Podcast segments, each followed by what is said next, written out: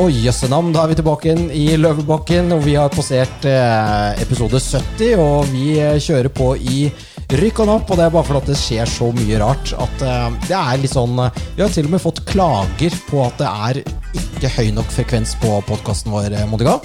Bare så du vet det. Eh, I dag så får vi besøk av en eh, heidundrende eh, kul fyr. Han er forsker i kjemi, våpeninspektør for FN under den andre Irak-krigen i 2002-2003. Han har vært involvert i Syria-Libya-krigen som analytiker på kjemiske, biologiske og kjernefysiske våpen.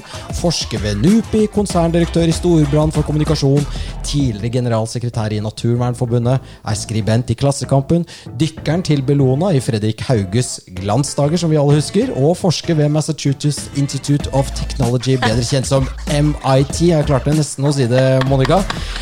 Og nå har jeg sagt så mye, så da bare overlater jeg ordet til deg. Du ser eh, eh, godt ut, men jeg er litt bekymret. Hva skjer, Monica? Nei, Mikkel, jeg har rett og slett tydd til flaska. Nå er det Ja. slutt på drinker, nå er det helflasker med vodka. Ja, det, det lukta litt da du kom inn her. Skulle tro at det var en sånn statsdumaen i Russland som var på besøk. Jeg har nemlig lagt min elsk på en polsk vodka som populært kalt, blir kalt flytende balltre. Flytende balltre, ja. Det er ganske hardt. Så jeg, jeg klarer nå å sykle ganske bra med en halv sånn innabords. Det Jeg sykler selvfølgelig. Mm, mm. ja, ja. Du har blitt, begynt å stemme MDG også, tenker jeg? Ja.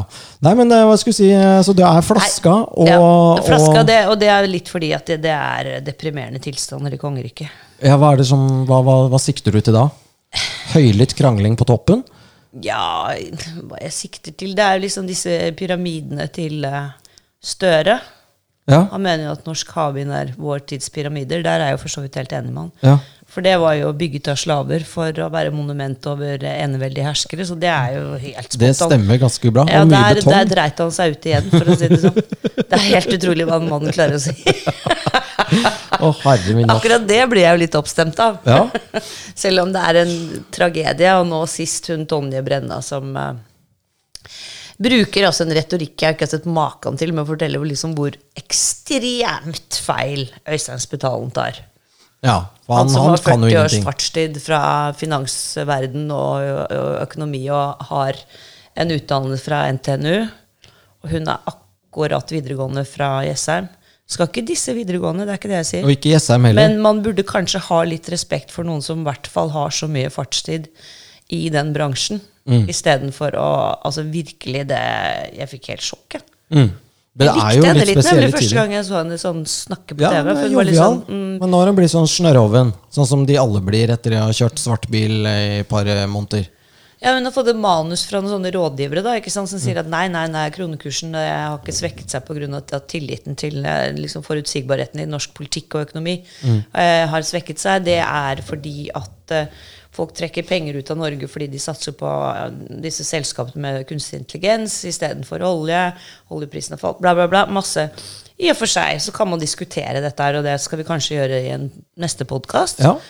Eh, men poenget er at du bruker ikke den derre ovenfra og nedad. Altså, jeg blir helt satt ut av det. ja. Det er noe Gro Harlemsk brundtlandsk over det. Hun var vel søt i forhold. Ja, det er, eh, det er um, ingen kommentar. Men du, Jørn Siljeholm sitter her som et tent lys. Det gjør han. Og han er vel Og den som har den lengste vet du, for noe CV-en CV-en vi har av de vi har hatt der. Ja, Ja, jeg ble ja. helt rett og slett satt ut. Starstruck. Veldig starstruck. Ja. Så nå er jeg veldig spent. Så da tenner vi opp. Vi har sagt igjen at dette skal være en hyggelig time, men det skal det jo selvfølgelig ikke være. Nei da. Hei, Jørn. Velkommen til oss. Hjertelig takk. Gleder meg. Fortell litt om altså det vi har Hvor skal vi begynne, egentlig?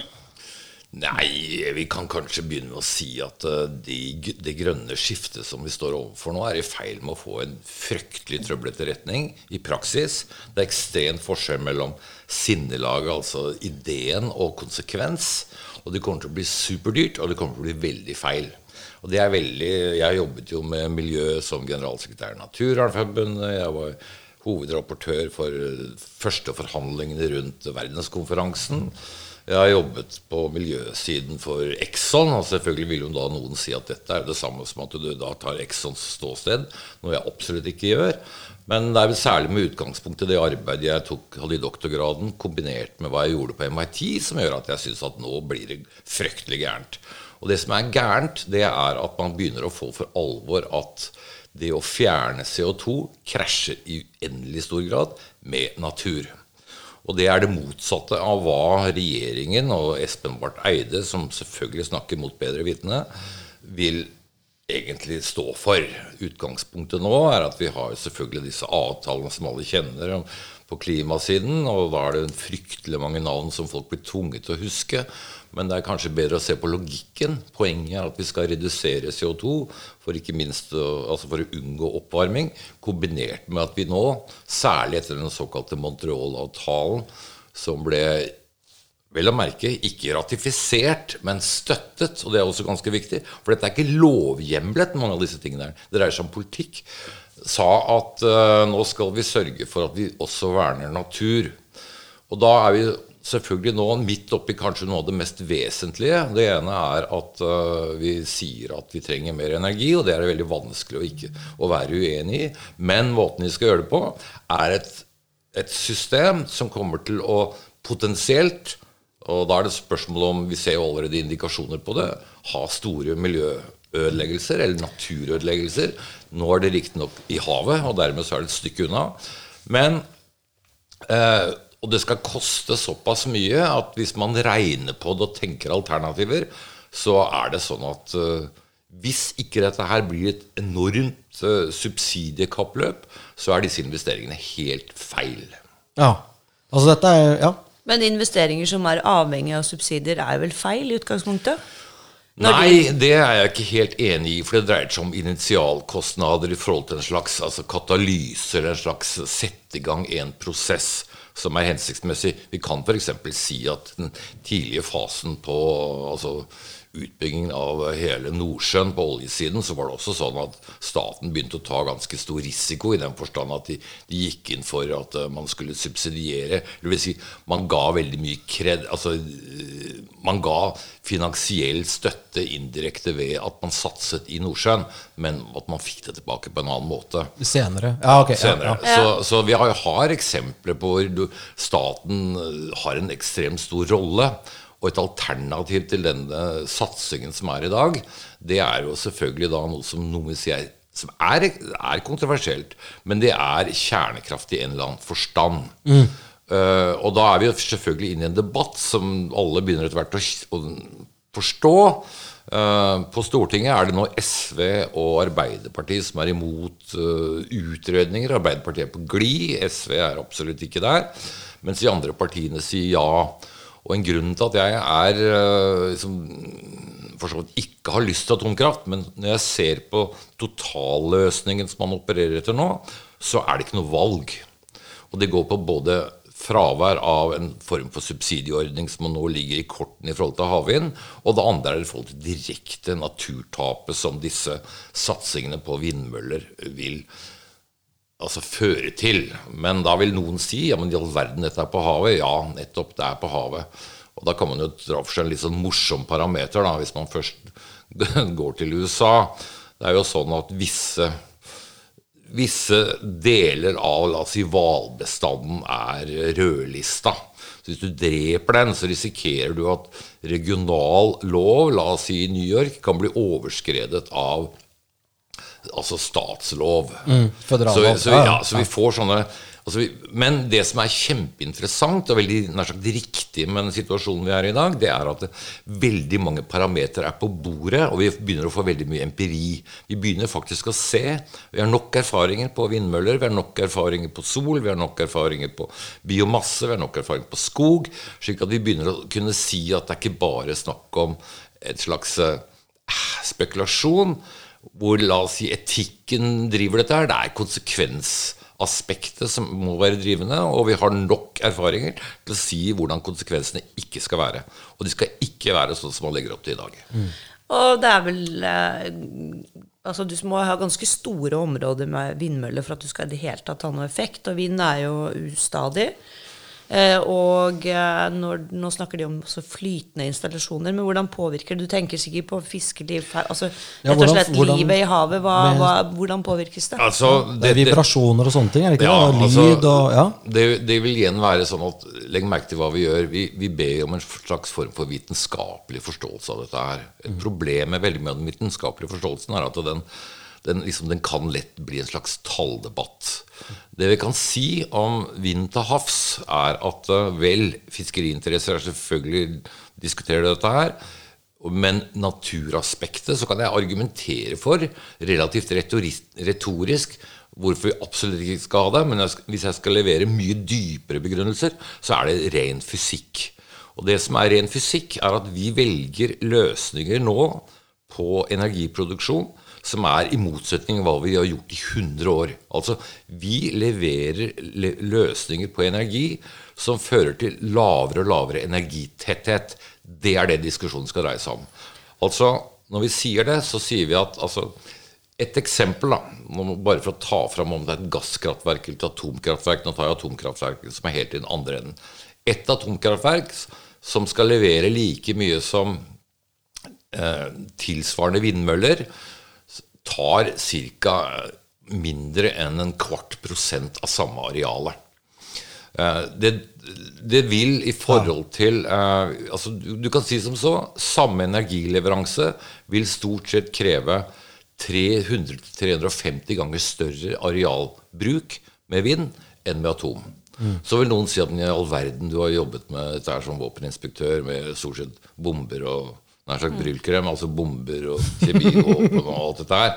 Altså, hvordan kan du liksom Men greia er at dette er så langt unna bombetrusselaspektet at argumentasjonen om dette som en slags Allah som bombetrussel Ja, Du mener at atomkraftverket kan gå i lufta? Ja, liksom, det er ikke er- ofte det gjør det heller, vet du. Nei, det er ikke det, slik Og det er jo, Siden Tsjernobyl så har vel mye skjedd på den fronten der med teknologi. Vi hadde jo et atomkraft liggende inne i fjorden her eh, fire dager. Denne, dette Ja, det er hangarskipet. hangarskipet, ja. Og så har vi jo- hatt en reaktor på Kjeller. Ja, men det kunne Nei, jo men forsyn... de- Nei, nei, hallo. hallo. Det hangarskipet det eh, kunne ha stått for 4% av den kraften vi trenger per dag. Bare den båten. Ja, og det Norge, ikke altså. Ja. Ikke du og jeg, Mikkel. Eh, men det jeg lurer på, mitt spørsmål er Hvis vi hadde liksom droppet disse utenlandskablene og, og modernisert vannkraften vår, hadde vi trengt å holde på med alt dette andre greiene da? Vi har et problem, fordi at det norske energiforbruket er egentlig bare dekket med ca. 40% strøm, og resten med, med olje eller gass. Slik at vi har liksom Da er vi igjen tilbake i en talldebatt. Men hva legger du i energiforbruk, da? Det er jo da vi bruker Én ting er da vi bruker til strøm, som er ca. 140 TWh. Og så har vi ca. 160 terawattimer i form av bruk av transportmiddel. Altså Ja, diesel, liksom, diesel og sånne ting. ja, ja. Slik at det som er en idé bak dette her, som er en slags altså moralen bak dette som da, Moralen er det veldig vanskelig å argumentere mot. Det er ikke det jeg argumenterer Det jeg argumenterer mot her, det er at moralen sånn sinnelagsetisk er ikke noe særlig mye gærent med. Det er ekstremt gærent med det konsekvensetiske. Eh, Ja, Man ønsker på en måte da å få masse vindmøller, slik at man kan, slutte, man kan få busser og biler og alt over på strøm. da ikke sant? Det er liksom visjonen. Den er god, men den, slik jeg leser deg, den, den krasjer med det klassiske miljøvernet. Eller naturvern. Eller hva gjør det. det, det Klassisk krasj, miljøvern? Ja, det gjør det. Det, klassisk ja. naturvern det, det er også et Ja. Helt poeng. normalt naturvern. Ja, Ja. Det er nettopp det. Det er også et poeng. Nettopp, dette er ganske viktig. At vi ikke finner opp altfor mange nye ord. For det er jo noe av det som er en del av debatten som gjør at folk faller av. Vi er jo flinke til å liksom, dra til med det ene og det andre. Og det er jo fryktelig vanskelig når man begynner å lese en del av rapportene. Altså, Jeg har et sånt begrep. Krevende kostnadsbilde. Krevende kostnadsbilde. Det betyr kjempestore overskridelser. Det betyr Ja. at uh, Krevende krev, kostnadsspill. krevende, ja, Ja. ja. Ok. Ok, unnskyld. Natur, naturvern. Nei, ja, altså Du kan jo prøve å koble ei vindmølle til en respirator. Da Da dør den pasienten veldig fort. Og det er på en måte ideen her. Vindmølle blåser sånn passe ofte og altfor lite. Og hvis du er avhengig av det, så går det gærent. Og det er jo det vi gjør oss avhengig av. Som vekselpusting. Ja, ja. Det er virkelig, ja, du Du må være flink til å holde igjen litt. da Mellom to og fire kan du Ja, ikke puste, og så er det helt stille om natta. Ja, ja. liksom La hjertet gå ned til hjerterytmen på to i, i minuttet eller noe sånt. Ja, Bør ja. egentlig ligge litt sånn nedkjølt. Skilpaddene kommer til å overleve. ja. For de trenger ikke å puste så veldig mye. Og der går Hjerterytmen er jo sånn at den, den sier- De sier bang, og så slapper den av en, en minutts tid, og så sier det bang igjen. Ja. Men det er ikke sånn hos oss. Nei. Og særlig ikke hvis du ikke får puste. Da går det veldig fort. Men, men, eh, men det, det, det som Så du er egentlig imot atomkraft, men når du ser på alternativene og hvor vi er på vei, så har vi det du sier eh, vi, Realpolitisk har vi ikke noe valg. Vi må over på atom. Ja, Ja. Og, og vi har for så vidt en litt sånn lettvintere debatt om det vi- enn det vi hadde for eh, altså, ti år siden. Man må huske at altså, når folk gikk med nei til atomkraft Som Buttons nei, eh, på ja, 80-tallet og sånn. På 70-80-tallet. Og ikke mobb kameraten min og Nei, så var det, og det var ikke vanskelig for meg å si at eh, selvfølgelig er dette fine greier, liksom. Mm. Altså, men dilemmaet har jo vært at når man først har gått inn på energisatsingen, Mm. det er der konsekvensene kommer. Det går ikke på det at man liksom sier at jeg har lyst på et atomkraftverk i bakgården og alt det der, men det går på det at eh, dette her, hvis du skal begynne å være seriøs her, Mm. så begynner det å dreie seg om noe ordentlig. Og det som er interessant da, eh, her, det er jo at sånn logikken bak dette med subsidiekappløpet er jo ikke det at altså folk har lyst på liksom, Det er ingen politikere som sier at dette har vi lyst til. Ingen skal si at de har lyst til dette. Dette er jo bakveien inn, inn i altså, man, rygger jo inn i det. Eh, Det som eh, har da skjedd, det er altså det ene med at man, man bruker da energiløsninger som gir mindre og mindre altså kilowatt eller kraft per dings du putter opp. Og det er at det er materialbruken rundt dette her som er vesentlig.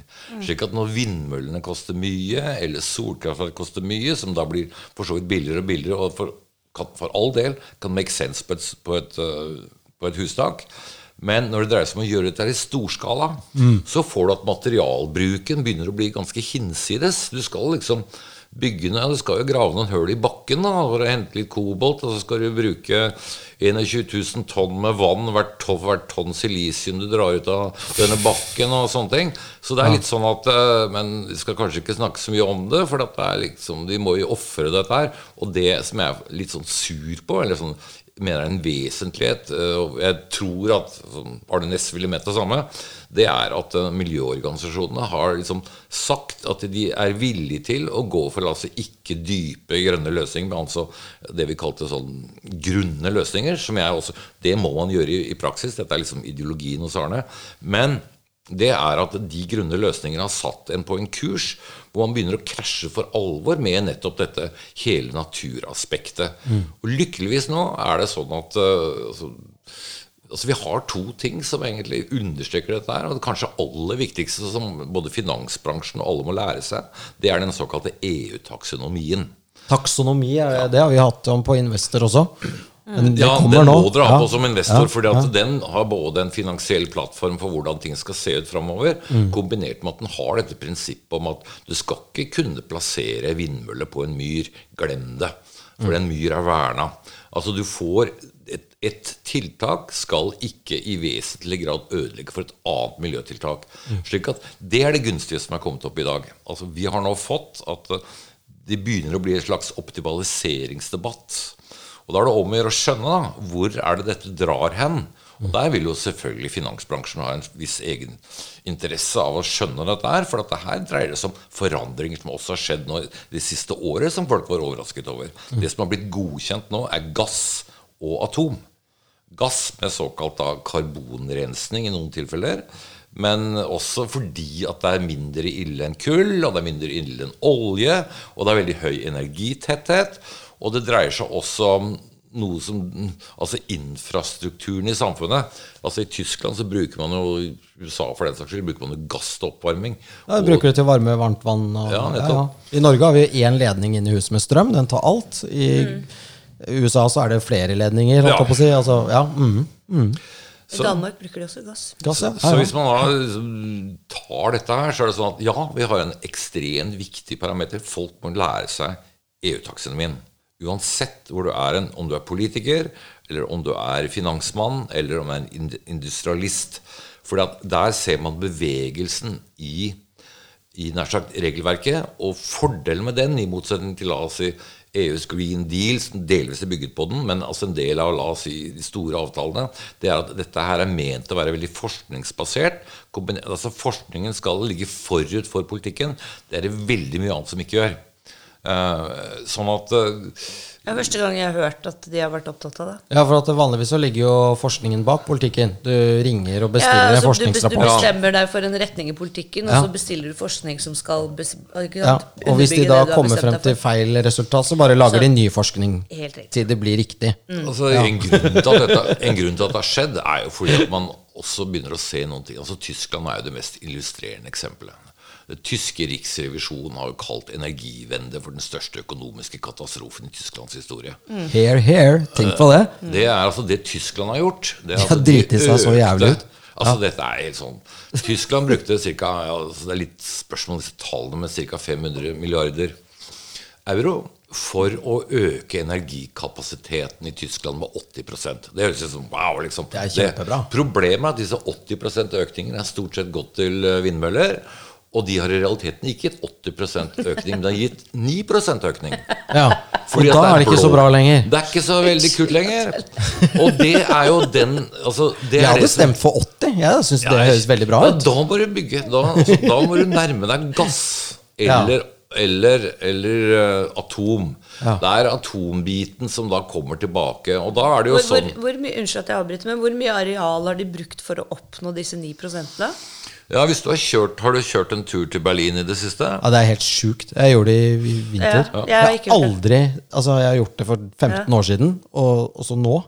Ja, det var vindmøller overalt. Aldri Det sett så mange i mitt hvis de skulle ha 100% så hadde, måtte de hatt det over hele Tyskland. Nei, altså det er 100 Ja, det, som er, det som er morsomt med 100% Det er at det 100 %-tallet Man forsøkte jo på å nesten la oss si 100, altså 80% økning er liksom Hvordan bruker man Men altså, vi dekker 100% av behovet da, med vindmøller. Ja, det går ikke i det hele tatt. For det som er litt Da må, du, sånn da må du tømme Men jeg, tror det, Tyskland for tyskere. men jeg, tror det, ja, jeg tror det er mange som tror at liksom vindmøller er liksom løsningen, og de, de har ingen begrep om hvor mange vindmøller, hvor store felt du må ha for i det hele tatt å få, ja, som du sier, da 9% effekt. det, Nei, og så tenker man at vel, Og så er den ustabil. Ja, altså det man tenker, altså det man vil tenke for å argumentere for dette her Dette er litt sånn Nå skal jeg bare dra fram popper. Og hvorfor jeg gjør det, det er fordi at uh, hvordan Når man har en god hypotese Hypotesen om det grønne skiftet var jo liksom at man hadde grønn teknologi som da skulle gjøre at uh, man skulle ikke behøve å slippe ut noe mer CO2. ikke sant? Men så var man klar over at ja, ja, men vi har noen kostnader ved dette. her. Fredrik Hauge vil si at ja, ja, det, det, gir litt naturslitasje. Problemet er at det gir ekstremt mye større naturslitasje. Det er liksom litt ubehagelig, men spørsmålet er øh, allikevel, hva skal vi gjøre? Det som da ligger i debatten, debatten i Norge, er jo det at vi har så ekstremt dårlig tid. Det er jo en av grunnene til at miljøorganisasjonen også blir nær sagt presset ut i den derre det går til helvete-type scenario. Hva, altså, hva er mest umoralsk? Skal vi liksom si at ja, det går til helvete, liksom, og det skal vi ikke gjøre noe med? Men da blir dilemmaet at man kan ta en del av den der for vindkraft, for solkraft-retorikken og si at ja, nå slapper jeg av, liksom, eller nå roer jeg meg ned, liksom, jeg bare gjør enda mer av det. Og det er jo noe av det som driver den satsingen til havs. Det er jo fordi at man i Norge har sagt at dette til lands, dette begynner å bli rimelig upopulært. Eh, Ja, og- døde kongeørner overalt. Jeg så et bilde at vi, if this, eh, altså hvis denne kongeørnen hadde vært eh, liksom dekket av olje, så hadde det på en måte, da hadde, da hadde vært tatt affære med en gang. Men i og med at den er bare kappet opp i småbiter av en vindmølle, så er det egentlig greit. Jeg har jo lyst til å fortelle en litt Ja. morsom historie om dette her, for det er jo en tragisk eh, referanse, men det er en ironi. Exxon Valdez, jeg jobbet jo i Exxon på et tidspunkt når eh, altså, Oljetanker som gikk ja, på denne grunn og masse gikk på olje. grunn fordi at du hadde en full skipper og en båt som mangla sensorer, og som klarte da å ødelegge fryktelig mye av stranden. Det er alltid full skipper. og så var det sånn at Exxon da hadde en, et anlegg for å for å vaske otere. Som da ble olje, altså var tatt av oljesøl. De hadde det fra før? Nei, de måtte jo bygge dette anlegget. da Bygge De måtte bygge et otervaskeanlegg, og det lå opp en elv. Jævlig kult. Eh, og det var jo liksom på siden av dette sundet. Og så var det jo sånn at eh, man begynte å regne på dette her, og fant at det kosta ca. 15 000 dollar per oter. Men pro og det var nå så, liksom. Ja, ja. Det, det, Det kan vi betale. Problemet var at det var jaktsesong. Så ca. 300 meter nedenfor dette anlegget hvor man hadde vasket den oteren til 15 000 dollar, en så var det en som skjøt oteren og fikk ca. 20 dollar skinnet. Ja, fy faen, det er jævlig Men det betyr selvfølgelig ikke at ikke det Exxon. Exxon forsøkte på, var ganske sånn Det er jo god altså, For all del, altså. Prøv å gjøre noe. Men det er jo litt dette her. Altså, hvordan ser denne balansen ut? Og, og et, Var det bare otere som fikk olje på seg, eller? Nei, det var jo mye mer. Altså, det var jo selvfølgelig Ordentlig var jo- grisete. Exxon sånn, dreit seg jo skikkelig ut. Det kostet, Hele saken kosta dem ca. 15 millioner Nei, 15 milliarder dollar. Men altså, riktignok har ca. 10 milliarder gått med til jurister. Er Selvfølgelig. Det er, Ja. tid- ikke? Det ble- Ja, det er så helt, helt rått, ja, hvorfor ja, ja, hvorfor Det ble ikke så mye jurist? miljøvern av det. Det ble, bare fem milliarder. Så Ja. Tid til griske, grådige advokater. Ikke? Så, så det er, men det er liksom noe med, med ironien oppi dette her. Og det er noe av det som er ganske Jeg vil si at det er ganske vakkert i dag. I den forstand vi begynner å få alle kontrastene på bordet. Og spørsmålet er da hvordan skal vi da altså, Skal vi navigere dette feltet? Og da er det det jeg mener eh, som blir forandringen i det mentale bildet til en miljøverner, det er å tenke så, og de tenker absolutt altså Jeg mener at jeg er miljøverner, men jeg mener at jeg blir forbanna når, det blir når miljøvernløsningene blir helt motsatt av miljøvern, og det er der jeg er nå. Mm. Det er jo at uh, når du ikke får den ideen din til å ligne på den samme ideen i konsekvens. Eh, og da er det litt sånn at uh, Hva er man? Er det sånn at man er Altså uh, hva er det man jobber for? Er det blitt bare en jobb, eller er det et kall? Liksom? Det bør liksom være et slags sånn Jeg mener at kallaspektet har noe ved seg. Da holder man ved noen grunnleggende ideer, og så prøver man selvfølgelig å revidere det etter hvert som dette kan virke teit. Men problemet er det massive momentumet rundt, kombinert med selvfølgelig dagens klikkverden og hva du skal si. Altså Hvis du da er en seriøs miljøverner og går ut og sier dette her, så vil du jo med utgangspunktet havne i den motsatte kategorien, og det kan en godt tenke på om jeg havna i, men det gir jeg blaffen i, for nå er det så gærent at det er bare å si det. Eh, men men eh, det er jo noe av det som er trøblete. For la oss si Equinor, som da altså, eller de store aktørene de vil jo ikke gå i front med miljøorganisasjonene. De vil bare ikke gjøre det de sier. Ja, ja. Eh, ikke sant? For at det, the cost of doing business er mer eller mindre bare å sørge for at ikke du ikke noe vits i å- Du tar ikke en polemikk på dette. her, Du bare sørger for at beslutningssystemet er såpass eh, ferdigsydd at du slipper en ikke hensiktsmessig polemikk. Men vi kommer til å få veldig mange ikke hensiktsmessige type situasjoner framover hvis vi går det løpet som nå Arbeiderpartiet og SV staker ut. Og jeg mener ikke at Høyre er noe særlig altså, Nei, de vil jo ha enda mer, de. De syns jo at øh, øh, SV og Arbeiderpartiet er ganske puslete på det havvindsatsingen sin. Så det, det er jo på en måte Der er jo Astrup han er jo helt spinnvill. Han vil jo Ja, ha altså- firegangeren eller sånt. Han. Altså, Ja. Det er jo festlig. da, Astrup har jo fått med seg da, at det, disse som da i utgangspunktet kan tenkes å være finansielle eller la oss si industrielle investorer som skal regne på den strømprisen de forlanger, så forlanger de en garanti ikke nå lenger på 65 øre per To kilowatt. kroner, ikke det? Nå, nei, nå skal det være 95 øre per kilowatt. Og det er jo morsomt å se da, hvordan hele det budsjettet som gikk fra ca. 17 milliarder kroner, plutselig spratt opp til 25. Eh, altså, vi, vi, men jeg tror det, det er jo ikke noe snakk om at det ikke kommer altså det, det man glemmer her, det er et begrep som gjør at man igjen havner i en slags sånn teknisk debatt. Hvorfor i all verden skal man forstå dette her dersom man ikke er liksom litt sånn dypt inne i ingeniørverdenen? Og det er dette såkalte balansekraftspørsmålet. Hva i all verden er det? Jo, det er jo at for at du ikke skal dø da, i den respiratoren, så er det sånn at når vindmålene slutter å gi strøm til den, så må du ha like mye gass eller olje eller atomkraft inn for å balansere opp denne strømmen, slik at ikke frekvensen i stikkontakten din går fra la oss si 50 Hz til 47. For gjør den det, så får du samme effekten som du fikk i Texas for et par år siden. Da gikk hele ned, Da da. gikk hele greia ned, og noe av det kan vi ikke godta. Altså, så, altså dette er, så det er, det er I forhold til kritisk infrastruktur så er det grenser for hva man tåler av spenningsforandringer i nettet. Eh, og det er det samme som å bygge nok kraftlinjer. Du må ha nok kapasitet. Og det som skjer med den svingningen du får i energiproduksjon, det er at du må bygge mye mer Altså, det blir langt flere monstermaster. Altså, en For å få monstermast- dyttet men en monstermast kan jo riktignok en ørn sitte på ledningen til, men det er verre med vindmølle. Som i navet ser ut som den nesten ikke går rundt, men i vingetypen så går den med 300 km i timen. Ja. Og, og det er jo litt sånn også den stakkars hettemåka som skal fly fra, fra Antarktis til Norge om våren. Skal, hvor mange, mange vindkraftverk kan fly gjennom. Det er jo skikkelig sånn russisk rulett, dette her. Eh, altså, vi er i ferd med å få akkurat det som ikke liker. Og, men det som er igjen bra, det er at dette er omtrent på bordet nå.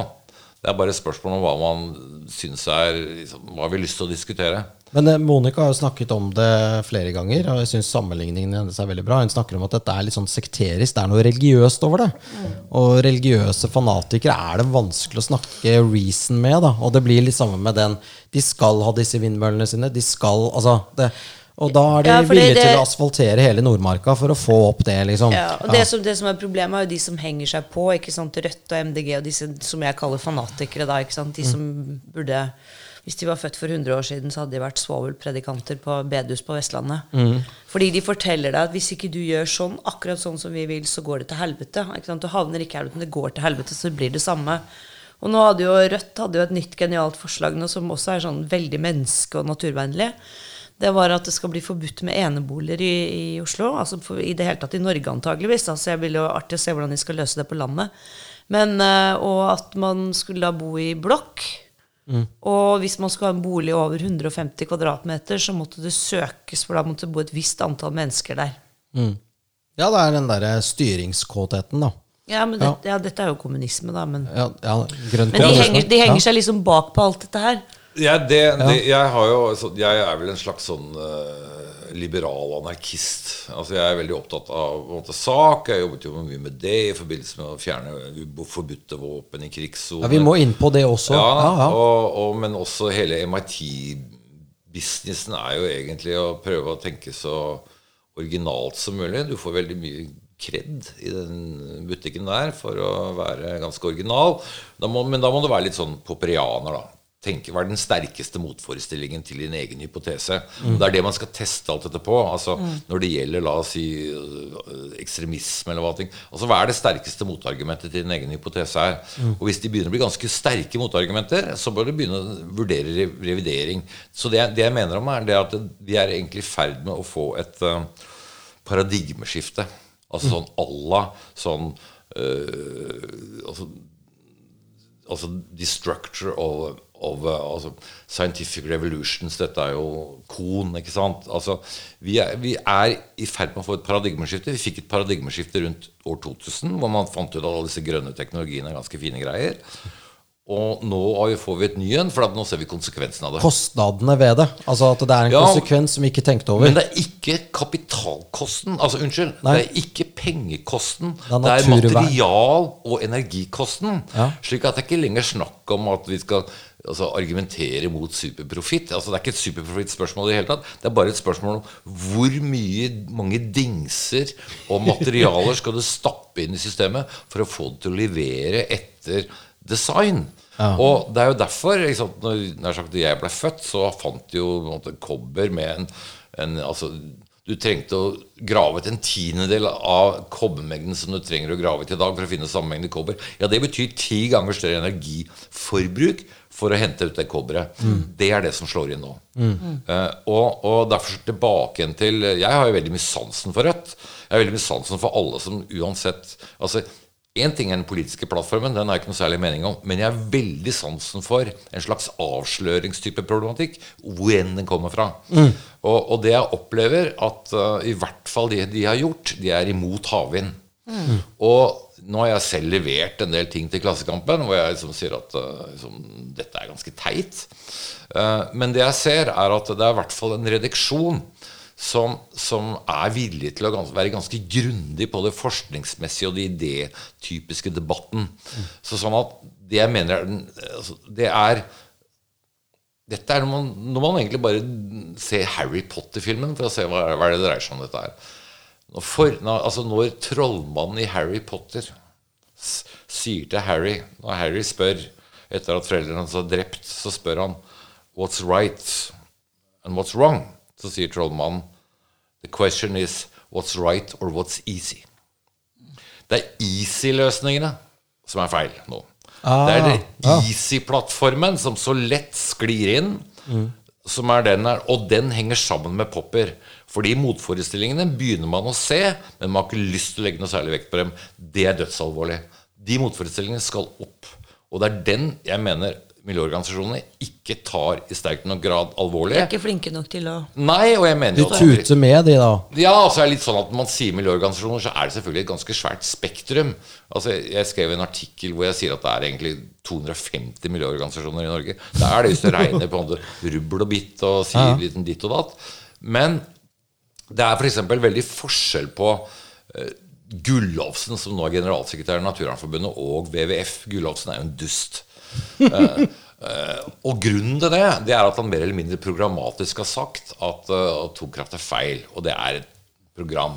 Det han kan anklages for, det er at hans mandat som generalsekretær er å leite etter de optimale miljøløsningene i en litt sånn operativ, reell verden. Det gjør han ikke. Og spørsmålet er er det fordi han er tjukk i huet, eller er det fordi han ikke vil.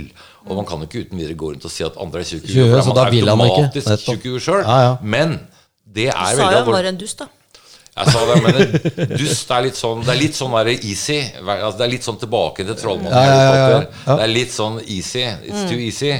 Og så er det litt sånn at uh, kaffen min var ikke sterk nok, så jeg var litt furvete i formen.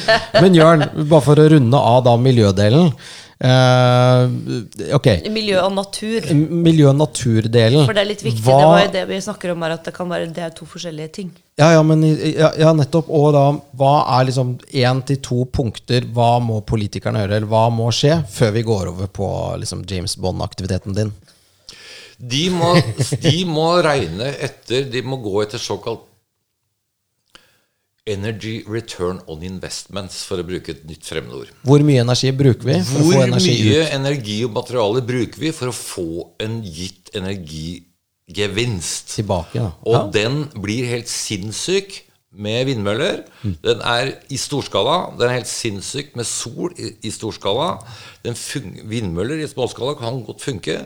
Uh, og når det gjelder da enkelte løsninger, sånn som f.eks. karbonfangst, som man ser på Klemetsrud, så er også det fullstendig det gikk jo ikke så bra.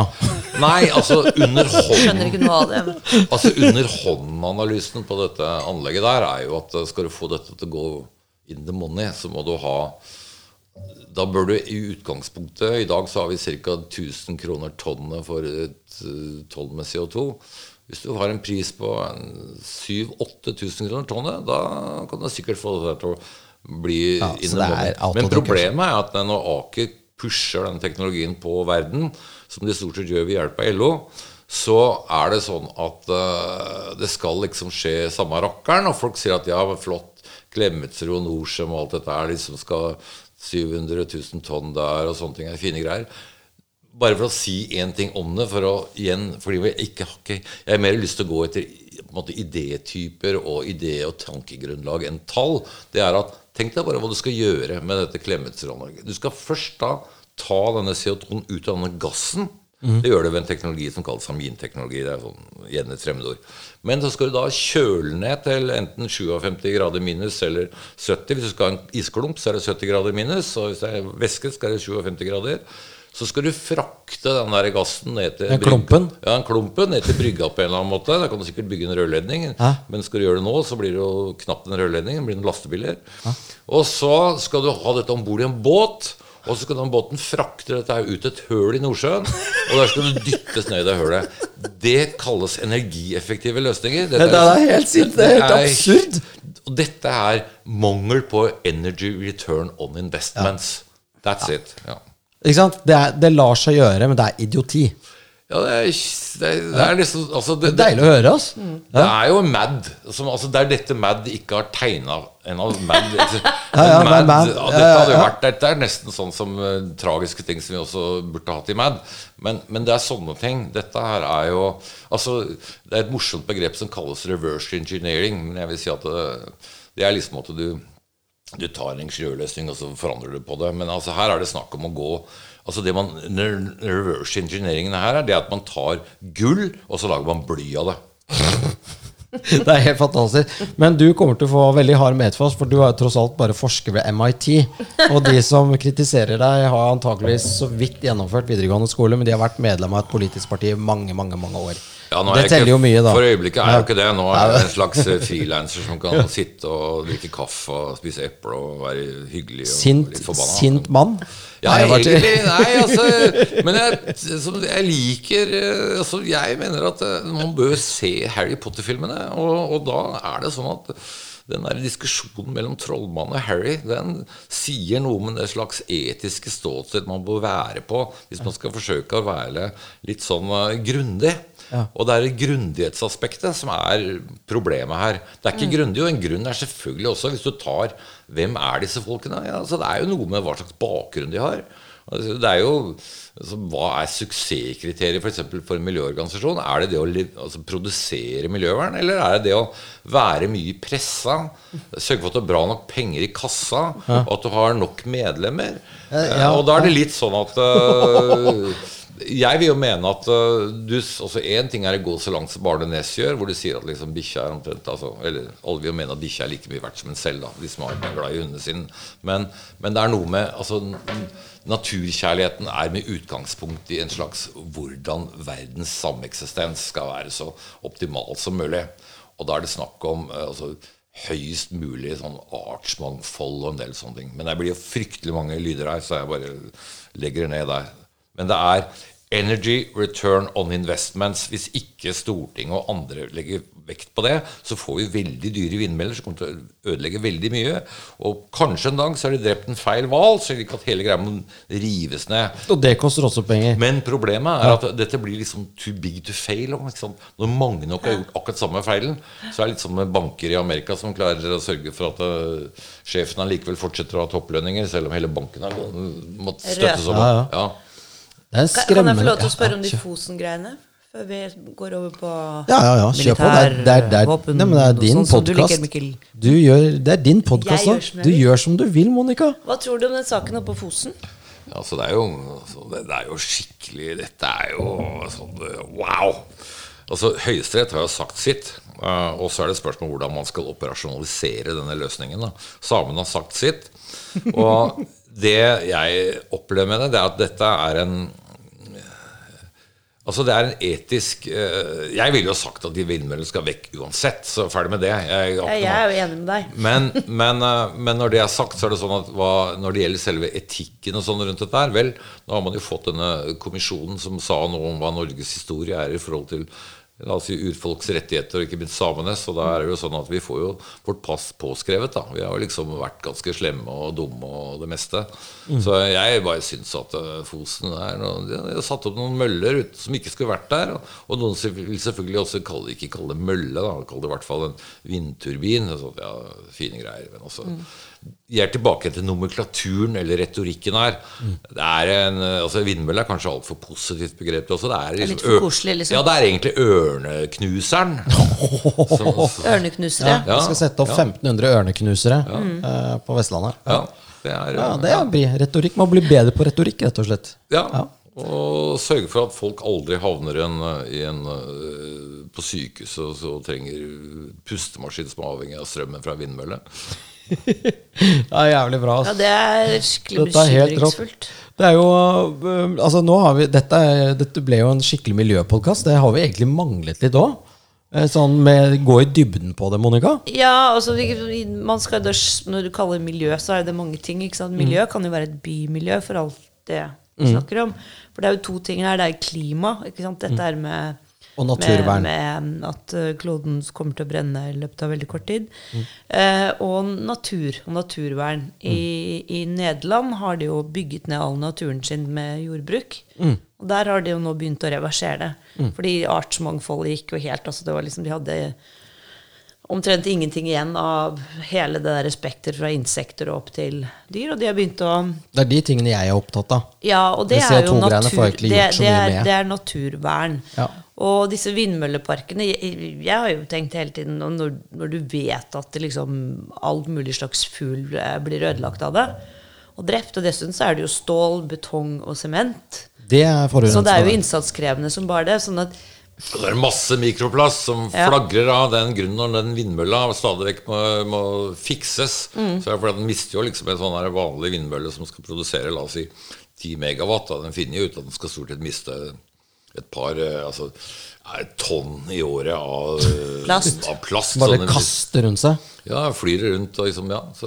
Som da blir spist ikke sant, av eh, i mat. og- Ja, så nå har vi jo sagt at vi er mot mikroplast, og vil noen si at ja, men du kan bruke andre typer komposittmateriale. Det er klart du kan gjøre det. Du kan bygge hele greia av gull. Altså, er, Det hadde vært bra. da Det altså, vært bare gull, bra. Gullgravere Ja, rundt ja, hele Det er helt rått. Dette er jo egentlig et tema vi kunne snakket om Vi har et kvarter igjen. Skal vi Snakke komme litt oss om våpen. Litt om våpen. Litt mer sånn mm, Ja, litt James Bond. Litt James Bond. Du har vært våpeninspektør for FN. Hva Tell us the story. Og selvfølgelig usensurert og med litt sånn snacksy Ja, nei, altså, Gjerne litt sånn top det, secret. det er jo også Én ting er at Russland ljuger i dag, men USA jugde jo så det holdt. Riktignok er Putin fullstendig usympatisk i det han driver med. Men jeg må jo si at jeg spydde jo nesten av hva amerikanerne prøvde å dytte på oss. Og jeg var jo, ja, jeg var jo våpeninspektør og dekket alle våpengrener. Uh, og jobben er i praksis da, altså, hva skal man kalle det? Fine ord, kalle det etterretning eller whatever. Altså, vi jobber jo i et regime hvor du er avhengig av informasjon. Og når Sikkerhetsrådet eh, går inn for en ting, dvs. Si det var jo ikke sånn at Sikkerhetsrådet gikk inn for det heller. For amerikan altså russerne de gjorde dette her uten en velsignelse fra FNs sikkerhetsråd. Ja. Men det er jo sånn at uh, the countries of the willing og alt dette her var jo liksom Ja, de sa jo at det er fryktelig mye altså, Saddam ljuger, det er masse livsfarlige våpen, kjemiske våpen, biologiske våpen, kjernevåpen, og vår jobb var jo og ikke minst min jobb, det var jo å ta utgangspunkt i at vi skal jo forsøke å egentlig bevise det. Ja, Colin Powell var jo litt sånn Det er jo, altså, ukomfortabel i stolen er her. fjerne alt det Kartlegge og bevise at de så ja, altså, At det altså, var for sant? det, det må du, liksom, du må da være litt sånn popperianer og si at det, altså, hvis en våpeninspeksjon skal ha relevans, så er det fordi at det potensielt er en fare der, og den er, da er det om å gjøre å fjerne den. Slik at vi, vår jobb da var å fjerne dette som måtte være der, og egentlig bevise at Saddam jugde. Og Saddam var det jo altså, Jeg har en frekt, fryktelig festlig historie som bør fortelles, men Saddam har jo jugd hele tida. Altså, første Gulfkrigen, 91, eh, så var det jo sånn at eh, Saddam var veldig, egentlig bare noen få måneder fra å ha et kjernefysisk våpen. Eh, og hadde da kjemivåpen som var bannlyst. Han hadde biologiske våpen som var bannlyst. Han hadde kjernefysiske våpen som var i ferd med å utvikles. Så da var det sånn at reelt US, Han jugde, og verden beviste at han jugde.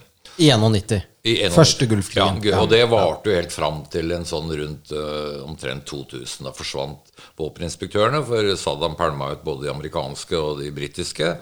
Og så var det sånn at uh, i 2002 Det er jo sånn at i lys av 9-11, ikke sant I lys av at uh, Twin Towers ble du fikk, altså du fikk den skjebnen, så, så var jo amerikanerne ute etter å liksom dette må, kan ikke skje på nytt. Er vi, slik at Du hadde selvfølgelig der også et veldig sånn legitimt utgangspunkt med utgangspunkt at altså, dette er helt uakseptable ting. Hva, hva skal vi gå etter? Det går etter alle. Ja, ikke sant? Og så er det sånn at hva de bestemte seg for, og da er det sånn at uh, vi klarte å bevise at eh, vi klarte å bevise at sannsynligheten for masseødeleggelsesvåpen i robust forstand, altså at de kunne representere en trussel, ikke var til stede I Irak. i Irak. Og det var sånn mer eller mindre konklusjon i mars 2003. Men da går det an også å si at vi har gjort en dårlig jobb. Vi har ikke funnet det. Så kan du si at og det, Dere ble lurt. Ja, ja, det amerikanerne sa jo da, eller amerikanerne, det er jo sånn at det var spesielt eh, Stakkars Colin Powell, men det var jo spesielt Rumsfield som var sjefen i Stort sett ledet hele den amerikanske kampanjen fra Pentagon. Som også til en viss grad knebla CIA sitt, fra, sitt arbeid. For det var jo dissens mellom etterretningsorganisasjonene i veldig stor grad. Men den operative siden, da, med Rumsfield som leder, sa jo at uh, vi snakker tull. Har ikke gjort jobben. Og Powell stilte jo på TV ca. en halvannen måned før, eller en måneds tid før eh, amerikanerne gikk inn og sa at uh, det var tull. Liksom, det er fullt av våpen der. Jeg husker jo han satt i Sikkerhetsrådet med disse plansjene og Ja, ja, bildene. og det husker var jo- sånn, ja, han så litt ukomfortabel ut. Ja, det var veldig festlig. For jeg var, jo, jeg var jo på en del av disse nettopp disse inspeksjonene som han viste til. Da, hvor han, de satt med rimelig annerledes konklusjoner enn det han kom med. Jeg var i en debatt med han på, på Harvard Kennedy School like etterpå. Han sa jo at uh, han tok jo litt feil, da. Eh, Men, men greia er at uh, det var jo en uh, massiv operasjon, og dette har også relevans for uh, altså, Dette er jo en problemstilling som har vandret videre. Det var altså ikke noe Irak. uh, Så du var i Irak flere ganger. ja, jeg var i Irak. Også- Overalt? Ja, overalt. Men de viste deg bare sånne tomme bunker og sånn? Nei? De lurte vi, deg? gjorde det ble mer enn å lurt? vise fram.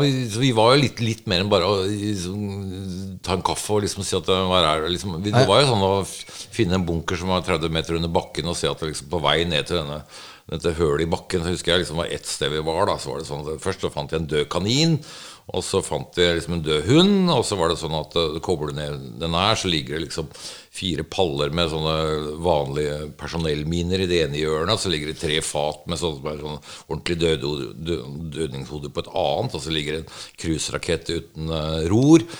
Eh, sånn at uh, Så du fant ting?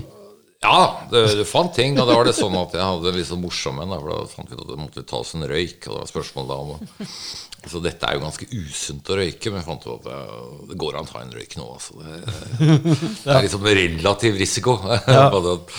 men, men essensen er da at dette er jo en problemstilling som har forfulgt oss fram til i dag. Vi hadde konflikten i Syria ikke sant? Sånn rundt fra sånn 2012 til 2015-16. Vi hadde Libya-saken rundt 2012. og Og da har jo den samme problemstillingen vært oppe. Kjemiske, biologiske våpen, ikke kjernevåpen.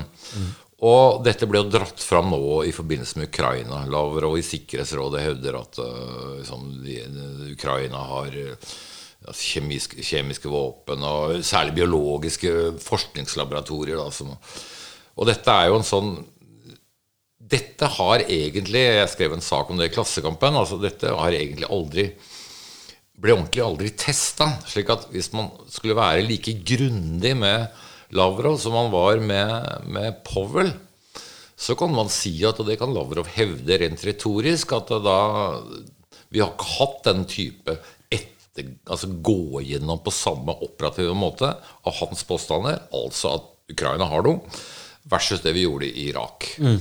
Men eh, det er jo rimelig enighet om at han snakker tull. Men dette vil komme opp som en problemstilling gang på gang. Man burde ha gjort For det. det lønner seg å dra det kortet. Det å hevde at motparten besitter ulovlige våpen, er det samme som at du kan lage en såkalt falsk flaggoperasjon. Da kan du gå inn og si at jeg gjør det for å beskytte meg sjøl. Eller det motsatte. Og det så vi i Syria. Vi så liksom at Assads styrker hadde kjemivåpen. Vi så at motparten hadde kjemivåpen. Altså, så greia er at hele den type våpeninspeksjonsrollen som vi hadde, som var direkte innunder FN og FNs sikkerhetsråd, det er viktig, fordi at mange andre våpeninspeksjoner er, de er, de er altså hyrt inn av FN, men de hadde ikke samme mandat. Mm. Så jeg vil tro at det vi kommer til å oppleve gang på gang, det er eh, biologi, kjemi, ikke så mye kjernevåpentrussel. Men den kan dukke opp. Og biologivåpenbiten er den jeg er mest redd for. Kjemivåpen er liksom sånn har begrenset dødelighet. Men i lys av det vi opplevde med covid, og hva samfunnet er villig til å liksom, gjennomføre av tiltak, så kan du godt se for at du får en ganske sånn for en ekstrem samfunnsreaksjon når sånne typer trusler dukker opp. Og det har vi sett. Ja, for at Med, med sennepsgass så, så varer det i ti minutter, det blåser Ja. over, og så Ja, dør ja, folk. er Men med biologi så er det i samf... Altså Da må man kjøre Ja, hvis du lager et effektivt virus, da. Ja, det er nettopp ja, det. ja. Og det- det- og- Og der er vi inne i en sånn øh, Hvem skal verifisere, hvem kan motbevise? Og dette dreier seg også om altså, farmasøytisk industri, som også har interesse av å holde på sine design, patent og alt mulig rettigheter. Altså, det er grenser for hva de ønsker å vise fram på et tidlig tidspunkt. Så man måtte, og det var jo reelt at Kina for eksempel, da når det kom et sånn inspeksjonsregime fra WHO med FN i ryggen, ikke fikk lov til å se på disse laboratoriene som var i Johan og sånne ting. Altså, det man kan si om det, er at dette er en problemstilling som kommer til å forfølge oss nesten evig. Eh, inspeksjonsregimene eksisterer på papiret, men i praksis veldig, i veldig liten grad. Og dette er en trussel som uh, ja, har muligheten for at vi får en samfunnsreaksjon som kan gi ekstrem skade. Tror du covid-19 var man-made? Det er jo noe av det som man gjorde for... Altså Jeg holder det ikke for uh, Ut fra det jeg har sett av data, og jeg har sett på mye data, så mener jeg ikke at man kan avvise den påstanden. Ja. Det er en ganske fin måte å si det på. ikke sant? Man kan ikke bevise det, men man kan heller ikke avvise det. Kan ikke avvise den. Men det ble litt sånn kategorisk avvist i begynnelsen. Ja, det er jo veldig plass til Da var det en konspirasjonsteori. Da var det konspirasjon, ikke sant? Ja. Ja, Hvis man kalte det Kina-virus, var det i tillegg en rasistisk konspirasjonsteori. Det er jo noe med det som Altså Det WHO gjorde, var jo å si at vi har ikke fått tilgang til alt det vi ber om. Og det er jo det samme som at hvis du da såkalt inspiserer altså Du skal jo se alt, da. ikke sant? Og hvis det er noe som sier at det er Se på disse veldig fine rom, ikke sant. Men det, det, det apparatet der, hva det gjør for noe, det er ikke, det er ikke noe vits i. Det er Nei, det blir jo hemmelig. Det er hemmelig, ja. ja. ja. Hvis ikke du har en så, Hva så så du har en sånn sak eh, Og, og det er også sånn i forbindelse med Iran i dag. ikke sant? Denne IAEA, den internasjonale atomvåpen altså, eh, nær sagt, gruppen da, som inspiserer. De får jo knapt se alt det de skal. Iran har jo noe anrikning på liksom, godt over 60% En bombe for å lage det krever over eh, 90% uran eller plutonium. En eh, vanlig sivil reaktor som vi snakket om tidligere, dreier seg om 2-3 med en helt annen type design. Og, det er ingen grunn til å sammenligne disse tingene i det hele tatt Nei. Skjønner. Og disse Altså, det er jo klart at du En sånn eh, internasjonal konvensjon har jo bare en funksjon hvis alle respekterer den. Ja, og Hvis da- du bare sitter og ljuger, så Det er akkurat det. Hvor mye løgn er det plass til? Altså dette med nettopp uh, muligheten til å grave dypt. Men et problem er jo at når du ikke finner en positiv Og da har jeg lyst til å fortelle en litt sånn morsom historie, hvis man har noen minutter igjen. Det har vi. Og det var at eh, en kollega av meg, eh, han eh, var i møte med Saddam Hussein og Tariq Aziz, som var utenriksminister i Irak i, altså rett før, altså i forbindelse med at amerikanerne Det var, i- var 98. Altså før amerikanerne og britene Rett etter at amerikanerne og britene hadde liksom blitt kasta ut. Og da hadde akkurat amerikanerne og britene også bomba en deler av Irak. eh, slik at eh, det var grunn til å ha et møte. Og det er gjerne sånn at man har disse liaisonene som snakker med statsledere uansett om de har hatt hverandre. Ikke sant? På møtet med Saddam Hussein så var det sånn at han kommer inn, Han sitter liksom Saddam Hussein på ett sted, Tariq Aziz på et annet, og han her på tredjeplass, og alle hadde translatører rundt. Så kommer Saddam Hussein inn, og så sier han første spørsmål er What's an intern? Altså Da er det oversatt via translatør. Han sier det på et annet språk. Intern, liksom. Ja, Aziz han spurte ja, intern, ja, det er en som f.eks. jobber i en offentlig forvaltning, eller sånn som Ja, i Det hvite hus. Intern i Det hvite hus, er det han blitt korrekt? Intern i Det hvite hus, ja. Ja, og det var, han tenkte på Monica Lewinsky. Ah, Så dette er en sann historie. Og så han liksom ja, altså, jo, Han var interessert i en intern. ja, var for at det liksom, Hva i all verden er dette sirkuset i Amerika? Liksom, Ja, ja. At eh, Kan en president risikerer å bli kasta ut fordi at eh, Han har en intern. På grunn av liksom, en sånn interns case. Og det er veldig bra. Ja. og så får Take du two svar of those, det. please. Ja, ikke Ja, ja. sant? Det også, og så er neste spørsmål, altså, spørsmål Is she from an important family? Ja. Nei, så kom ikke fra en important family. Og da er liksom siste spørsmål Is she from an important tribe? ja. Nei, jeg var ikke fra importen. Da reiste han seg opp og gikk fra møtet. Da hadde han fått svar. Amerikanerne bløffa. Dette var en, fake type Alt var fake. Og amerikanerne ville bare nær sagt lede Irak og andre bak lyset. ja. Han har fått vite det han kom for å høre, egentlig. Altså, ja, og det Han er skjønte det ikke. Nei. Dette At dette kunne bli så er big deal. liksom. det, det ja. var så mange festlige amerikanske Det har vært etter, altså, psyk, altså etterretningsanalytikere som er psykologer, som prøvde å si noe om hva det skjedde når Saddam skulle bli drept. For da hadde liksom begynt å gro langt skjegg. og sånn. Da mente liksom at han skulle appellere til clergy eller presteskap og sånne ting. Og kommer liksom ut Nei, så er det sånn at igjen så er det sånn at øh, jeg kjenner en som igjen kjenner altså Han var sammen med altså livlegen til Saddam. øh, var der, og, og Saddam Hussein ligger da på sykehuset og har dette lange skjegget sitt. da Og så liksom, ja, Det er liksom spørsmål når rettssaken er liksom rundt i ørene og sånne ting. Liksom, hva skjer nå? Da liksom, sier han liksom til øh, så, Ser du hun? sier han, så peker han på sykesøsteren. Ja, hun øh, Hun sier at jeg er så kjekk med skjegg. Ja. Så jeg har valgt å, ha det. å ha skjegg. Ja. Slik at Det var ikke snakk om en slags sånn religiøs unnskyldning for å Nei. Nei, det var Sykepleieren likte det. Så da er det spørsmål selvfølgelig Var det en bløff også? Det er klart at dette er jo igjen i forhold til en våpeninspeksjon. Hvor mange lag er det av bløff? Ja. Men poenget var at det man så i forhold til Irak, det var at det var ekstremt mange slags forutforstående tolkninger som var bullshit. Ja. Eh, Og det er man liksom Det er jo noe av den som er historien, og det er jo litt av denne saken som var rundt sånn Gaddafi også, i forbindelse med bombingen av Libya. ikke sant? Altså, hva, hva er det som var reelt? Så essensen er man skal være grundig, og når er man grundig nok? Og innenfor miljødebatten så mener jeg at man har man nok empiri, slik at man grundig sett kan gå løs på andre, gå inn for andre løsninger enn det man satser på for tiden. Og når det gjelder hele våpeninspeksjonsprogrammet, alt dette her, så er det sånn at det er svekket, det er for dårlig, og det er ikke mulig å gjennomføre dype nok inspeksjoner. Og det er farlig. Det er farlig. Sånt kan føre til krig. Oi, men da, det jeg tror vi nesten kan eh, Da har det gått en time. Det var veldig sånn endnote-greier. Eh, mer etterretningsanalyse inn i miljøbevegelsen. Og så må vi styrke hva er det for noe? Styrke våpeninspeksjonsgrenen. Er det Og så må man høre på Harry Potter. Altså Her, hva Harry trollmannen i Harry Potter sier.